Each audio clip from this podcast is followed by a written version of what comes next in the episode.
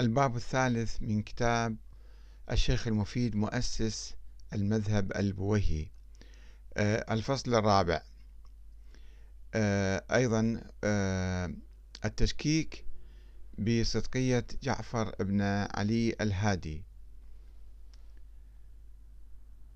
حاول المفيد بشتى الطرق. النيل من صدقية جعفر بن علي الهادي. في نفيه لوجود ولد لأخيه الحسن بدعوى السعي لاحتلال موقع الإمامة يعني باتهام جعفر بن علي أنه يسعى لاحتلال موقع الإمامة.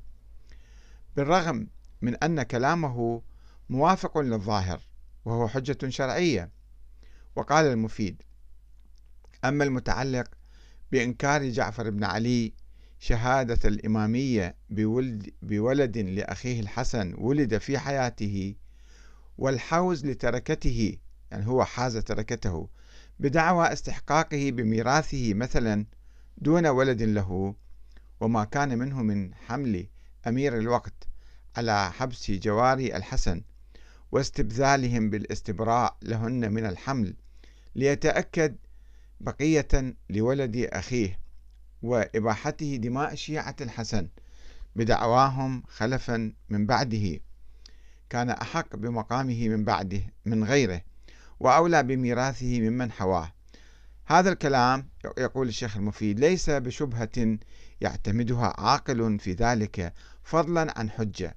لاتفاق الأمة على أن جعفر لم تكن له عصمة الأنبياء من جملة العرية التي يجوز عليها الزلل ويعتريها السهو ويقع منها الغلط ولا يؤمن منها تعمد الباطل ويتوقع منها الضلال.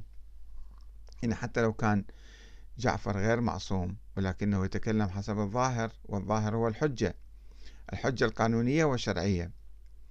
ويفسر المفيد إنكار جعفر لوجود ولد لأخيه بأنه كان بسبب طلبه للزعامة والمال والحلول محل أخيه في الإمامة. تأويلات تعسفية. ويدعي أن بينة العقل والسمع. الشيخ المفيد يدعي. عفوا. أن بينة العقل والسمع قد قامت على وجود ذلك الولد. يعني أول شيء بالعقل بالفرضية الوهمية. والسمع اللي من قبل النواب الأربعة الدجالين. ودل عليه الاعتبار الصحيح. الدليل على وجود ولد العسكري هو الاعتبار الظن الخيال يعني.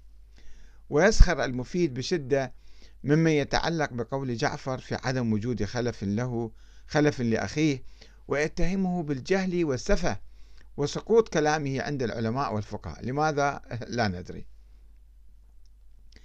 مع أن المفيد يعترف تبعا للمؤرخين الشيعيين الإماميين النوبختي والأشعر القمي بأن بعض شيعة العسكري وخاصة الفطحية اعترفوا بالظاهر وسلموا بعدم وجود ولد للعسكري وآمنوا بإمامة أخيه جعفر وقالوا أن الحسن بن علي توفي ولا عقب له والإمام بعده جعفر بن علي أخوه وذهبوا في ذلك إلى بعض مذاهب الفطحية الذين جمعوا بين إمامة عبد الله وموسى ابن جعفر الصادق والذين لم يكونوا يشترطون الوراثة العمودية دائما في الإمامة. وكان رئيسهم والداعي لهم إلى ذلك رجل من أهل الكوفة من المتكلمين يقال له علي بن الطاحي الخزاز وعلماء بني فضال وأخت الفارس بن حاتم ابن ماويه ماهويه القزويني.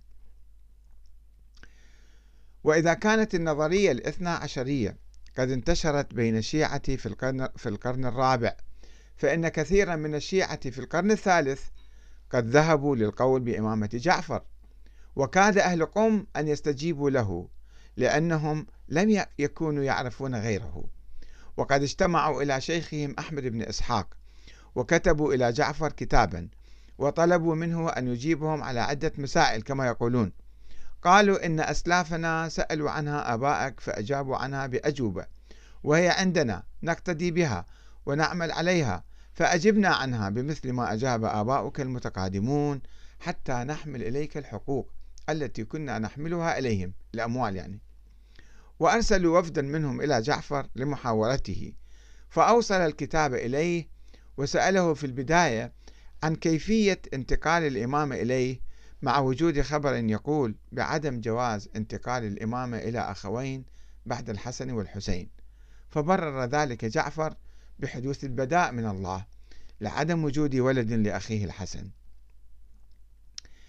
يقول الخصيبي إن جماعة من أهل قم هم أبو الحسين ابن ثوابة وأبو عبد الله الجمال وأبو علي الصائغ والقزويني كانوا يأخذون الأموال باسم جعفر مما يشير إلى أن قسما من شيعة قم آمنوا بإمامة جعفر بالفعل وأخذ يرسلون إليه الأموال. عفوا.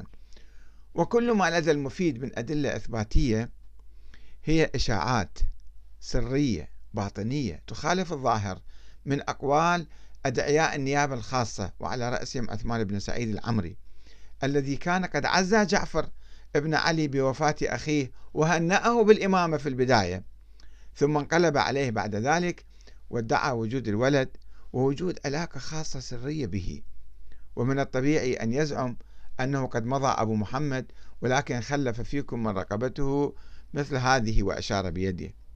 إلا أن قوله لا يشكل حجة شرعية لأنه يجر النار إلى قرصه متهم هو هذا المدعي النيابة. ومن المعلوم أنه كان يوجد في فترة الحيرة التي أعقبت وفاة الحسن العسكري أكثر من عشرين شخصا يدعي النيابة والوكالة والسفارة عن ابن الحسن ال... الذي لم يره أحد. وكان يكذب بعضهم بعضا. فكيف لنا أن نصدق هذا ونكذب ذاك؟ سنواصل الحديث عن آه، الدليل الروائي ما تبقى منه. آه، نتحدث عن الدليل الروائي في إثبات وجود ولد للإمام العسكري. والسلام عليكم ورحمة الله وبركاته.